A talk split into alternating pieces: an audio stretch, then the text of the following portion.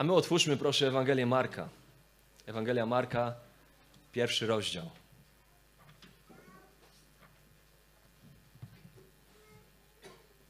Ewangelia Marka, pierwszy rozdział. Dziś skupimy się, zatrzymamy się na wersetach 35 do 39. To jest e, jeden z moich ulubionych fragmentów z Ewangelii Marka, zdecydowanie. W tych kilku wersetach, e, no tam wydaje się, że to jest tylko kilka wersetów, ale tam naprawdę, naprawdę dużo się dzieje. E, No, nie, niezwykle dynamiczna akcja, zwroty akcji, zaskakujące decyzje, zaskakujące wybory. I to są rzeczy, które naprawdę łatwo mogłyby nam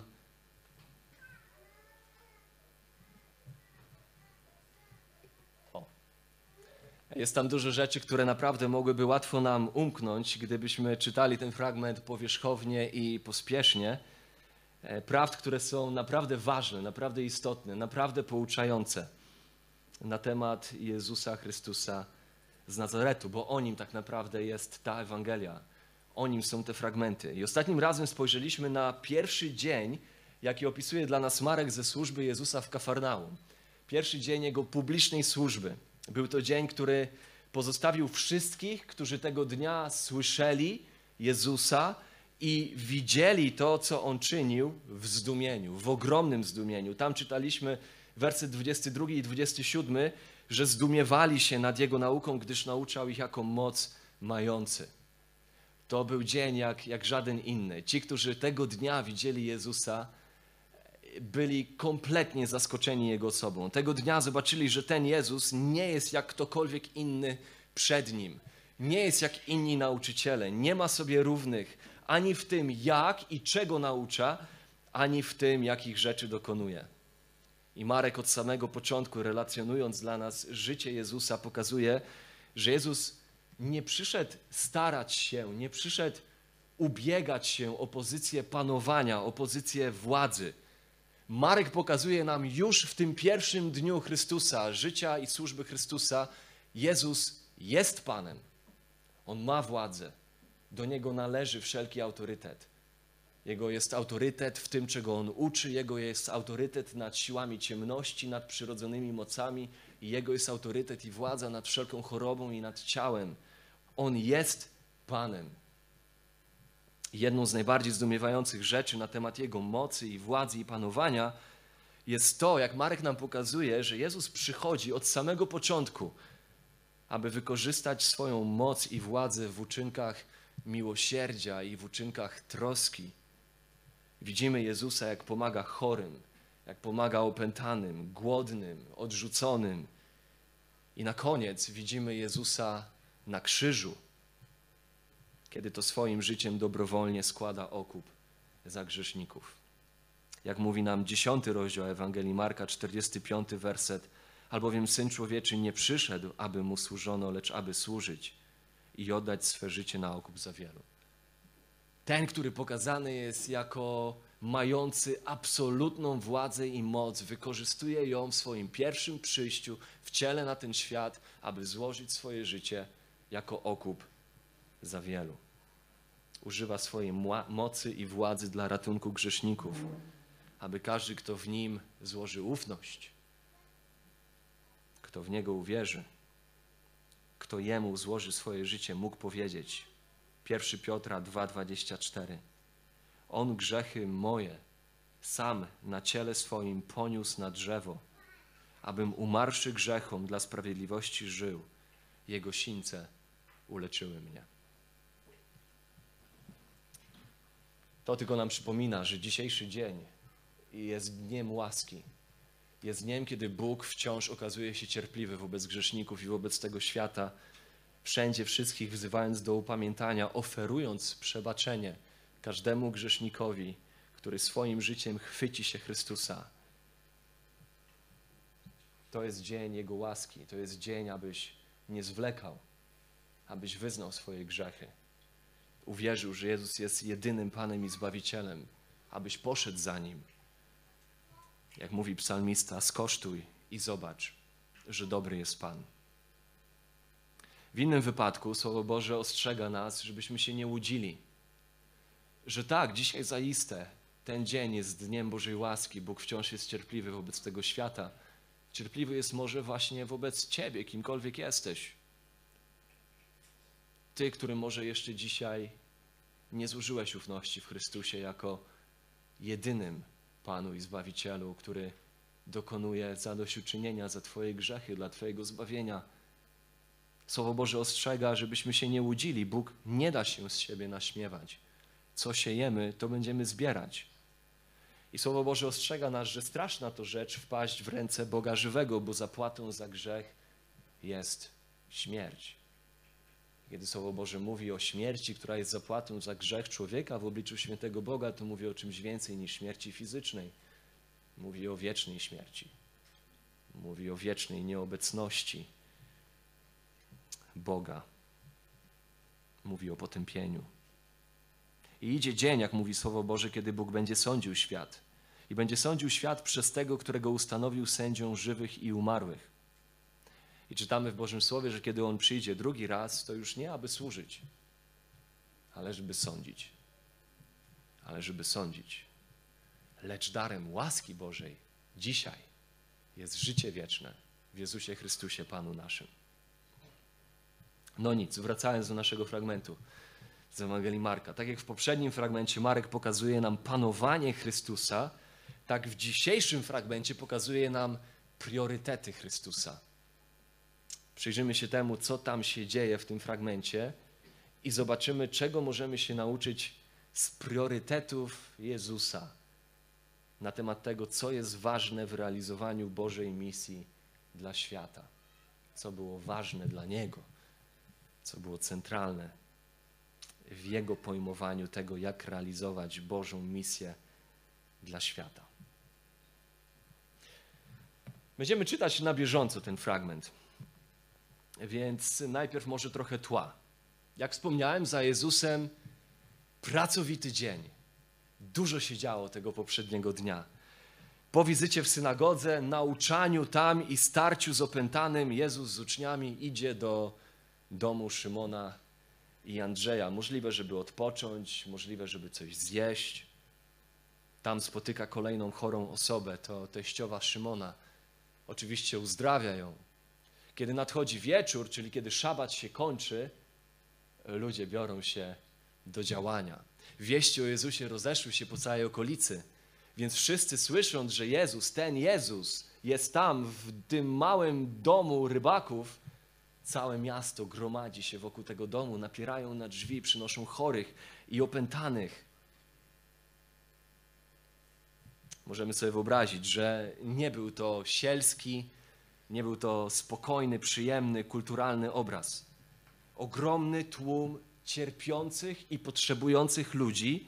Każdy z nich przychodzi z jakąś ogromną potrzebą, z jakimś brakiem, i tam w tej sytuacji, w tym domu, w tym miejscu, w tej osobie, w Chrystusie, dostrzegają okazję. Każdy czegoś chce. Wszyscy chcą znaleźć się blisko Jezusa, a może nie wszystkim się uda. Więc się pchają, napierają. Nie jest to na pewno przyjemny obraz. Wystarczy pomyśleć o tym, co się dzieje w naszych czasach, w naszej kulturze. Kiedy ma miejsce otwarcie nowego centrum handlowego i pierwsze 100 osób ma dostać w nagrodę bon w wysokości 10 zł. Jeżeli ktoś z Was kiedykolwiek był w takim miejscu, w takiej okoliczności, to wie, że to nie jest sielski obraz. A tutaj mamy coś więcej. I Jezus wszystkim pomaga, wszystkim służy do bardzo późnych godzin. Czytamy o tym. Gdy nadszedł wieczór, werset 32, zaszło słońce. Przynosili do niego wszystkich, którzy się źle mieli, opętanych przez demony. I werset 34, i bardzo wielu Jezus wtedy uzdrowił, bardzo wielu wtedy otrzymało pomoc. Więc możemy sobie wyobrazić, że jeżeli to się zaczęło już późnym wieczorem i całe miasto się zgromadziło, to to musiało trwać do bardzo późnych godzin. I co widzimy dalej? I to jest nasz dzisiejszy fragment. To musiał być ogromnie wyczerpujący dzień, ogromnie pracowity. Jezus musiał kłaść się spać nadzwyczaj wyczerpany tej nocy. I wtedy werset 35, jeżeli zrozumiemy tło tej historii, jest szokujący. Werset 35. A wczesnym rankiem, przed świtem, kiedy jeszcze było ciemno, Jezus wstał, wyszedł i udał się na puste miejsce i tam się modlił. Wczesnym rankiem, przed świtem, Jezus wstaje i idzie modlić się, rozmawiać ze swoim ojcem, spędzać czas z nim. Idzie na puste miejsce. Szuka miejsca, które jest daleko od zgiełku, z dala od rzeczy, które mogłyby go rozpraszać, z dala od innych obowiązków. Robi to wcześniej rano, bo wie, jest świadom, co się będzie działo, kiedy wszyscy inni się obudzą. Więc staje przed wszystkimi, budzi się, idzie modlić się. I pierwsza rzecz, którą widzimy w służbie Jezusa, pierwszy priorytet, to jest priorytet modlitwy. Priorytet modlitwy. Jezus, który dzień wcześniej pokazał siebie jako tego, który ma wszelką władzę i moc, któremu nie ma żadnych strasznych rzeczy dla niego. Tutaj widzimy go jako tego, który ma potrzebę odejścia na osobność, by co robić? Modlić się. Po prostu modlić się. Robi coś tak, można pomyśleć, coś tak zwykłego, coś tak niepraktycznego jak modlitwa Coś tak, można powiedzieć, małego, niespektakularnego, nieznaczącego. A może właśnie wręcz odwrotnie. Może to my często traktujemy, oczywiście nie powiemy tego na głos, ale w postawie swojego serca i w priorytetach swojego kalendarza i harmonogramu, to może nam często wydaje się modlitwa jako coś nieznaczące, coś małe, coś zwykłe, niespektakularne, no i na pewno niepraktyczne ale może właśnie jest wręcz odwrotnie. I może przykład Jezusa właśnie uczy nas tego, że jest wręcz odwrotnie.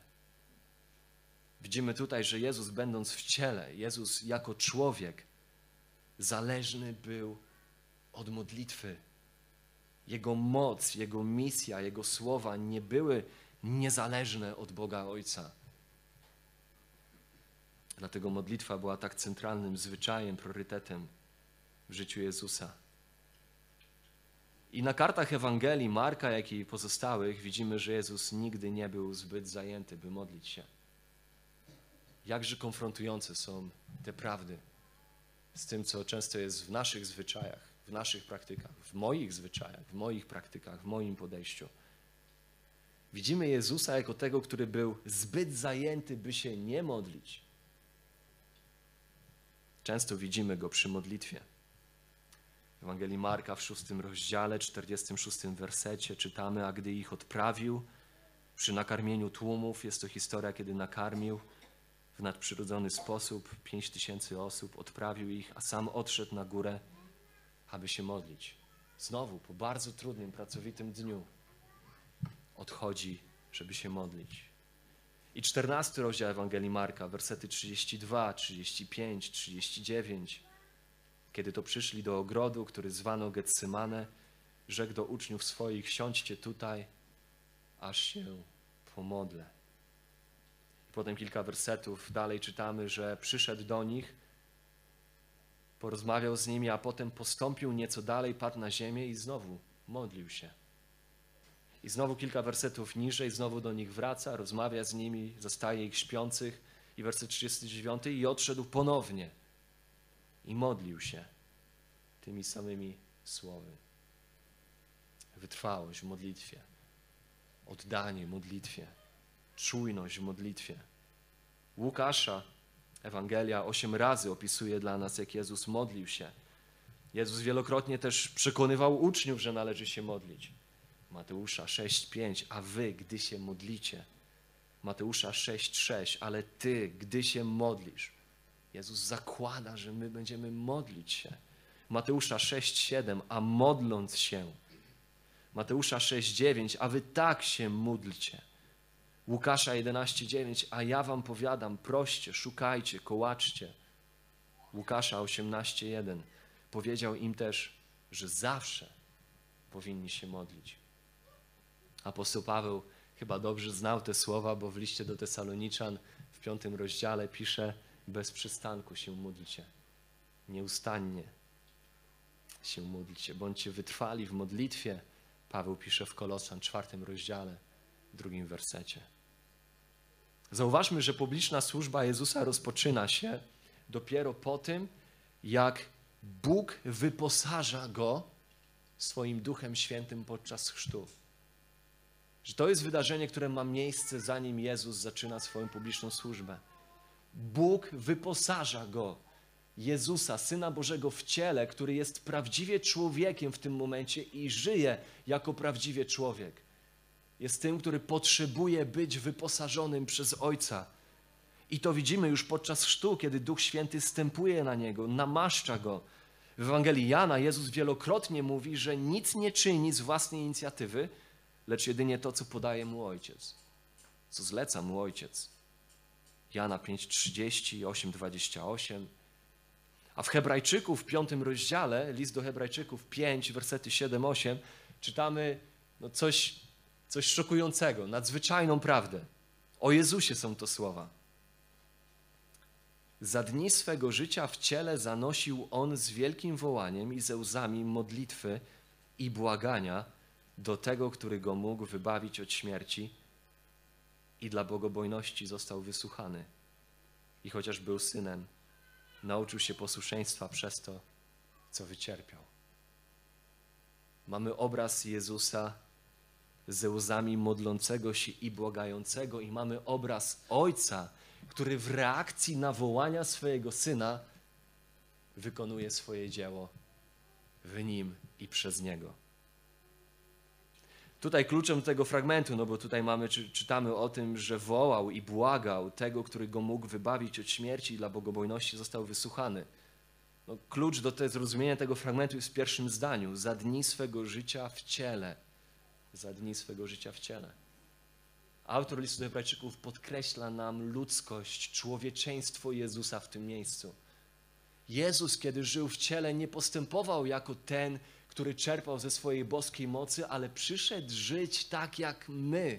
I tak jak my we wszystkim, co czynił i mówił, potrzebował być wyposażanym przez Ojca i dlatego trwał w modlitwie. Bo wiedział, że bez mocy Ojca, bez angażowania się Ojca w Jego dziele, w Jego życiu, w Jego służbie, On w ciele nie jest w stanie zrobić nic i dokonać niczego, co by miało jakiekolwiek duchowe znaczenie.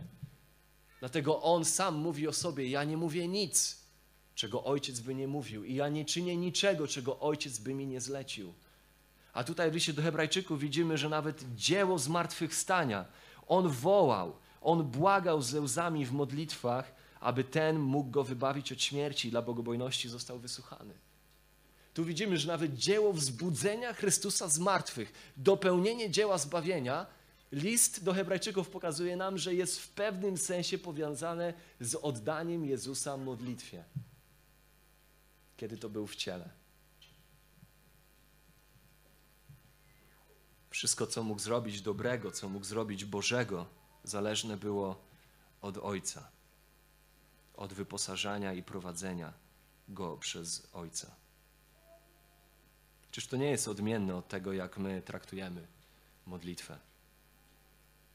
My zazwyczaj jesteśmy zbyt zajęci, by się modlić, zbyt zmęczeni, zbyt odpowiedzialni, tak?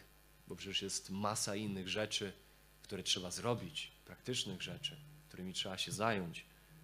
Przecież mamy zadania, obowiązki, problemy do rozwiązania. Zapominamy, że zostaliśmy stworzeni do relacji z Bogiem, zostaliśmy stworzeni do zależności od Niego, życia w społeczności z Nim. Ja jestem krzewem winnym, wy jesteście latoroślami. Kto trwa we mnie, a ja w nim, ten wydaje wiele owoców, bo beze mnie nic uczynić nie możecie. Jeśli Jezus trwał w modlitwie, miał zwyczaj modlitwy, dawał przykład modlitwy, uczył modlitwy i wzywał do modlitwy, no to jakże ważne miejsce w naszym życiu powinna zajmować modlitwa. No bo skoro modlitwa była tak konieczna w życiu naszego Zbawiciela, to czy może być mniej ważna w naszym? Marcin Luther trafnie to ujął, gdy powiedział: Być chrześcijaninem bez trwania w modlitwie jest nie mniej możliwe niż bycie żywym bez oddychania. A Ian Bounds XIX-wieczny kaznodzieja, teolog. Mimo, że pisał dawno, myślę, że słowa bardzo aktualne dla nas dzisiaj.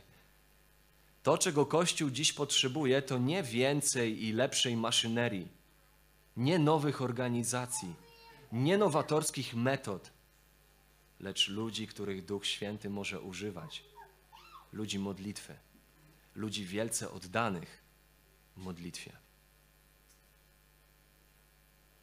Tego Słowo Boże tak dużo mówi o niej. Słowo Boże mówi o tym, że modlitwa jest kluczem do tego, żeby nasze serce nie było zatrwożone. Filipian, czwarty rozdział, szósty werset. Nie martwcie się o nic, ale we wszystkim z dziękczynieniem w modlitwach i błaganiach powierzajcie prośby wasze Bogu. Słowo Boże uczy nas, że modlitwa jest tym, przez co Ojciec będzie posyłał robotników na żniwo w dziele ewangelizacji, misji, ratowania tego świata. Wszystko zaczyna się od modlitwy. To modlitwa jest tym fragmentem, który spaja całą zbroję Bożą, Efezjan 6 rozdział. Hełm zbawienia, tarcza wiary, pas prawdy, pancerz sprawiedliwości, buty gotowe do zwiastowania Ewangelii, a to wszystko zamknięte jest wezwaniem do modlitwy, aby w każdym czasie, w każdym miejscu zanosić modły o mnie, mówi Paweł, abym umiał głosić słowo. Modlitwa jakże istotna jest, jakże centralna i taka była w życiu Jezusa. Kiedy czytamy ten fragment o Jego priorytetach, to widzimy, że pierwszym priorytetem Jego jest priorytet modlitwy. Priorytet modlitwy. Zobaczmy, co dzieje się dalej. Co dzieje się dalej? 36 werset. Szymon zaś i ci, co z nim byli, pospieszyli za nim. A gdy go znaleźli, rzekli do niego: Wszyscy szukają Cię. I tu znowu spróbujmy się wczuć w tą sytuację, bo czytając pobieżnie można totalnie przegapić to napięcie, które tutaj jest. Zapewne obudzeni przez tych, którzy już bardzo wczesnym rankiem zaczęli gromadzić się z nadzieją na kolejne cuda Jezusa. Może ci, którym nie udało się jeszcze uzyskać pomocy, bo stali gdzieś dalej w kolejce poprzedniego wieczoru, już wcześniej rano przyszli, żeby tym razem nie przegapić okazji, obudzili uczniów. Uczniowie budzą się z nadzieją, tak samo jak ci ten cały tłum, że znowu będzie dzień pełen cudów, spektakularnych rzeczy i zobaczyli, że Jezusa nie ma. Gdzie On jest? Więc pospieszyli za Nim, a właściwie ruszyli w pościg za Nim, bo słowo, które jest tutaj użyte w języku greckim, ma negatywny wydźwięk to jest słowo ruszyli w pościg. To jest słowo, które nawet w niektórych tłumaczeniach, w niektórych fragmentach może oznaczać prześladowanie. Oni ruszyli za Jezusem nie z pozytywnym nastawieniem. Oni ruszyli za nim niezadowoleni, ruszyli w pościg za nim. Gdzie jest Jezus? Co on sobie myśli? Musimy zrozumieć tło tego, co oni tutaj czują prawdopodobnie, co tutaj się dzieje. Dlaczego oni z negatywnym wydźwiękiem ruszają w pościg za Jezusem? Jezus wzywa pierwszych uczniów. Czytaliśmy o tym we wcześniejszych wersetach pierwszego rozdziału. Wzywa ich, aby poszli za nim. I mówi im, że uczyni ich rybakami ludzi. Kiedy to ma miejsce, to oni już rozumieją, że Jezus jest kimś wyjątkowym, bo oni już od roku słyszą o nim to rok wcześniej oni usłyszeli o nim po raz pierwszy, po raz pierwszy go spotkali, kiedy byli uczniami Jana Chrzciciela. Znają jego przesłanie. Wypełnił się czas i przybliżyło się Królestwo Boże. 15 werset tak podsumowuje przesłanie Jezusa.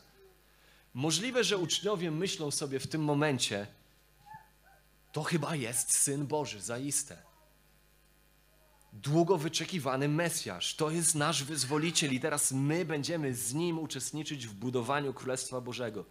Cóż za szansa, cóż za okazja. I my będziemy rybakami ludzi. Ludzie będą przychodzić do nas. My będziemy uczestniczyć w budowaniu Królestwa Bożego. No więc Jezus powołuje ich na uczniów. Idą do Kafarnaum. Pierwszy dzień publicznej służby z nimi przy boku, jako jego uczniami. Wchodzą do synagogi, gdzie na skutek nauczania Jezusa, uwalniania opętanego od demona, wszystkim, wszystkim szczeny opadają, ludzie są w podziwie, tłumy są w podziwie, wieści rozchodzą się po całej okolicy Idą do domu Szymona. Tam, kiedy szabat się kończy, jest ta masa ludzi, którzy przychodzą z chorymi, opętanymi. Jezus nad wszystkimi cały dzień, cały wieczór manifestuje swoją moc. Pierwszy dzień to dopiero pierwszy dzień, a służba już eksplodowała. Cóż za tłum, cóż za odzew, cóż za popularność, jaka moc, jaka władza, cuda, uzdrowienia, uwolnienia od demonów. Moc, jakiej nikt do tej pory nie widział. To na pewno, to na pewno o to chodzi w naszej misji. My jesteśmy rybakami ludzi. Poszli spać ekstremalnie podekscytowani, a obudzili się ekstremalnie zawiedzeni. I wtedy dzieje się coś, czego właśnie nikt się nie spodziewał. No bo właśnie Jezusa nie było. Poszedł sobie, znikł. Czy on nie rozumie strategii rozwoju Królestwa Bożego? Czy Jezus nie rozumie strategii rozwoju Kościoła?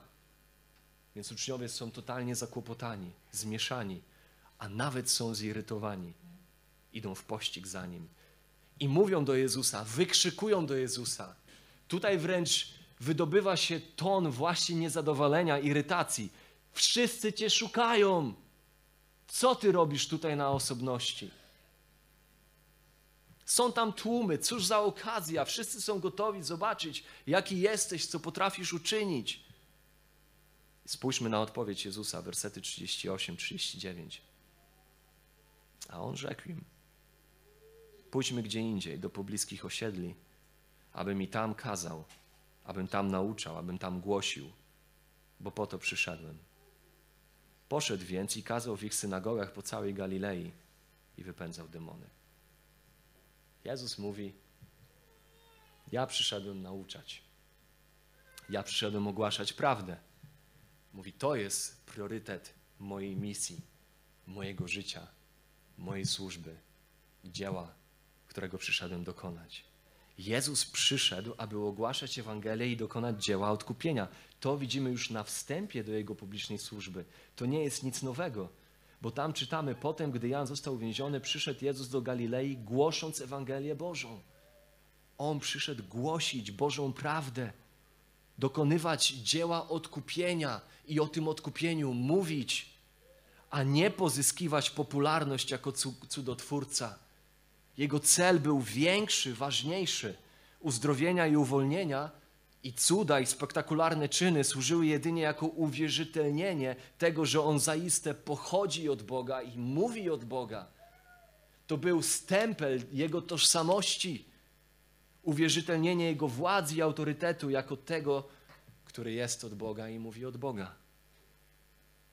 I tu widzimy w tym, co się dzieje tutaj, drugi priorytet Chrystusa. Priorytet modlitwy i priorytet słowa priorytet prawdy, priorytet ogłaszania tego słowa, ogłaszania tej prawdy. Jezus swoją odpowiedzią ujawnia uczniom, co leży mu na sercu.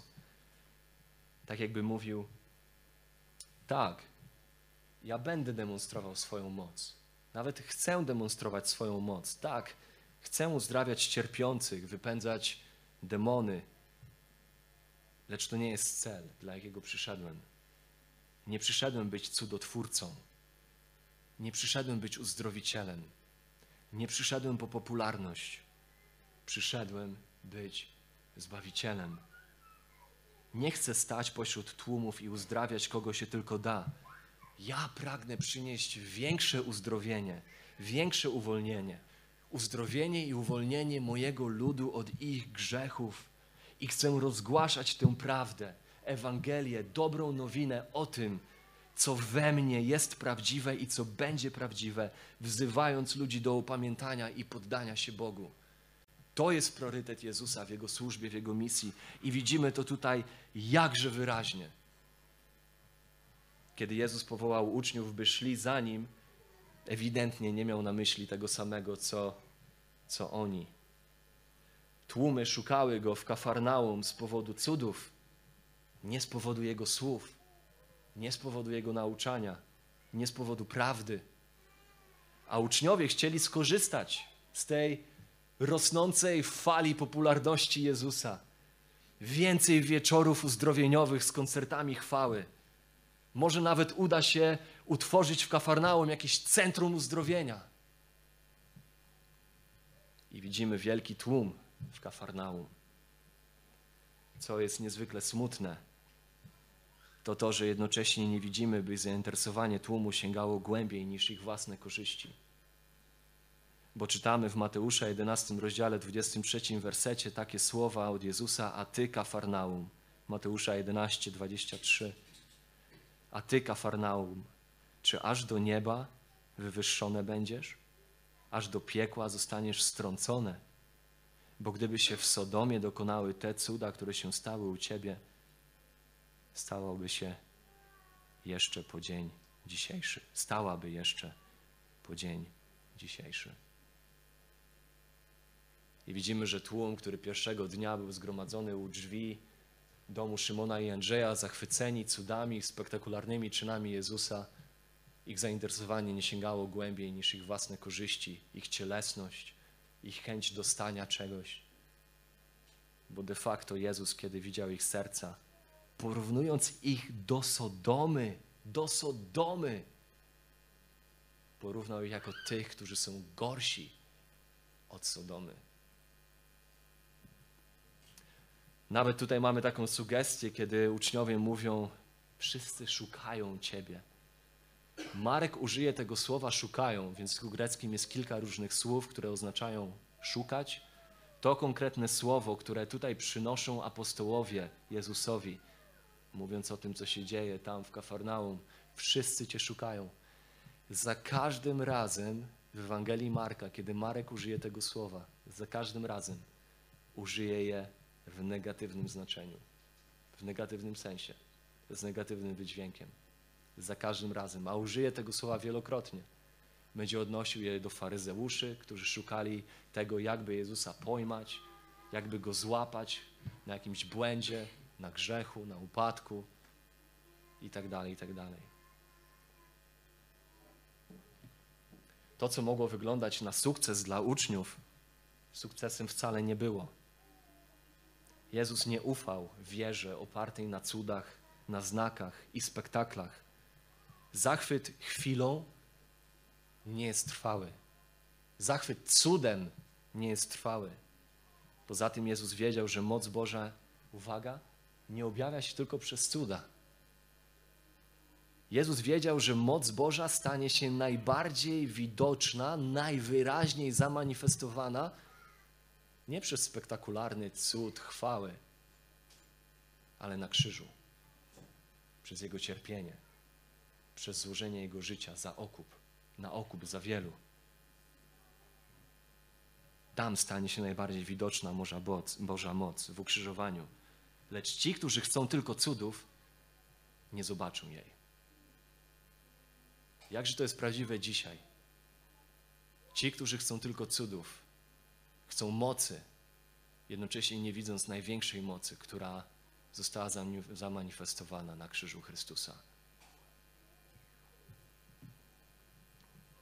Oczywiście ważne jest, byśmy starali się o równowagę w tej kwestii.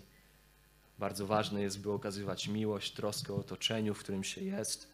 Boży ludzie, Boży Kościół powinni być świadectwem miłosierdzia i dobroci powinniśmy przejmować się cierpieniem i krzywdą, powinniśmy mieć staranie o wdowy i sieroty, mówi do nas słowo wielokrotnie. Jednocześnie musimy pamiętać, że przemiana ludzi, przemiana miast, przemiana społeczeństw nie dokonuje się na skutek dzieł miłosierdzia, ale przede wszystkim Ewangelii Jezusa Chrystusa. To Ewangelia, mówi dla nas Paweł w Rzymian 1,16 jest mocą Bożą ku zbawieniu każdego, kto wierzy. W 1 Koryntian 1, 20 do 24, 1 Koryntian 1, 20 do 24 czytamy: Spodobało się Bogu zbawić wierzących przez głupotę głoszonego poselstwa. To jest sposób, w jaki Bóg ratuje. Podczas gdy Żydzi domagają się znaków, a Grecy szukają mądrości, my głosimy Chrystusa ukrzyżowanego Dla Żydów wprawdzie skandal, a dla pogan głupstwo. Natomiast dla powołanych i Żydów, i Greków zwiastujemy Chrystusa, który jest mocą Bożą i mądrością Bożą. I to był priorytet samego Jezusa. W sercu chrześcijańskiej misji stoi Zbawiciel, który był kaznodzieją, który przede wszystkim ogłaszał prawdę. I to stoi w kontraście do bogów Olimpu chociażby, czy bogów rzymskiego panteonu. Reakcja bogów starożytnych ze śmiertelnikami była sporadyczna, przejściowa, odosobniona. Zeus rzucał gromy, ale nie głosił. Nie głosił prawdy, nie głosił kazań, nie nauczał. Nie głosili też umierający i rodzący się na nowo bogowie religii mistycznych. Były rytuały, były zaklęcia, jak najbardziej. Był bełkot, jak choćby w wyroczniach sybilińskich, lecz nic, co można byłoby nazwać klarowną nauką, wyrazem i manifestacją, deklaracją prawdy. Lecz kiedy odwieczny Logos staje się ciałem, kiedy Słowo staje się ciałem, przychodzi, aby głosić, aby deklarować prawdę. Łukasza 4:43 Muszę i w innych miastach zwiastować dobrą nowinę o Królestwie Bożym, gdyż na to zostałem posłany. I tutaj czytamy w wersecie 39 naszego fragmentu: Poszedł więc i kazał, nauczał, głosił w ich synagogach po całej Galilei i wypędzał demony. To jest to, co było priorytetem Chrystusa. Widzimy priorytet modlitwy, widzimy priorytet ogłaszania prawdy, prawdy Ewangelii. Czy to są te same priorytety, które my mamy dzisiaj? Czy cenimy ogłaszanie Ewangelii? Czy jest ono tak samo priorytetem, jak było dla Chrystusa? Może trzeba by się cofnąć kilka kroków wstecz nawet i zadać pytanie, czy cenimy Ewangelię? Czy cenimy dobrą nowinę w naszym własnym sercu na tyle mocno? Czy żyjemy dla Ewangelii? Czy kochamy Ewangelię? Czy kocham Ewangelię w taki sposób, że motywuje mnie ona, by ją opowiadać i ogłaszać, by mówić ludziom o przebaczeniu, o nadziei, jakie są w Chrystusie, wszędzie tam, gdzie Bóg stworzy do tego okazję.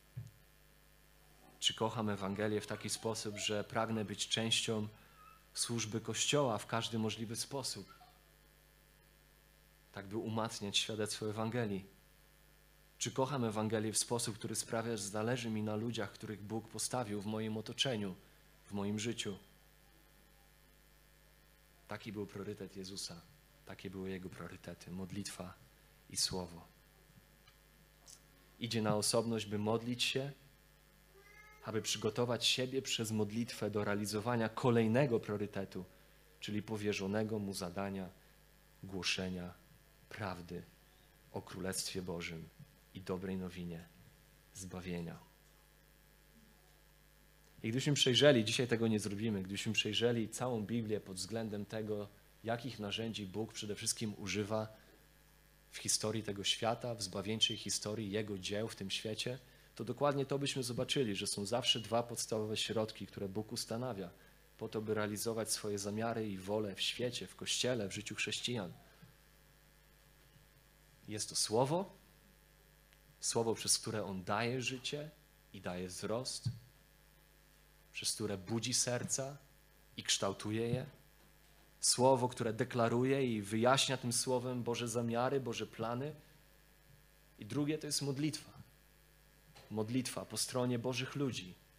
Modlitwa, która w pewien sposób uwalnia Bożą moc, która uzależnia tych, którzy żyją z Bogiem od Boga. To są ci, którzy rozumieją swoją zależność od Niego. Chcą i są przez Niego wyposażani, tak by Jego zamiary i plany się realizowały.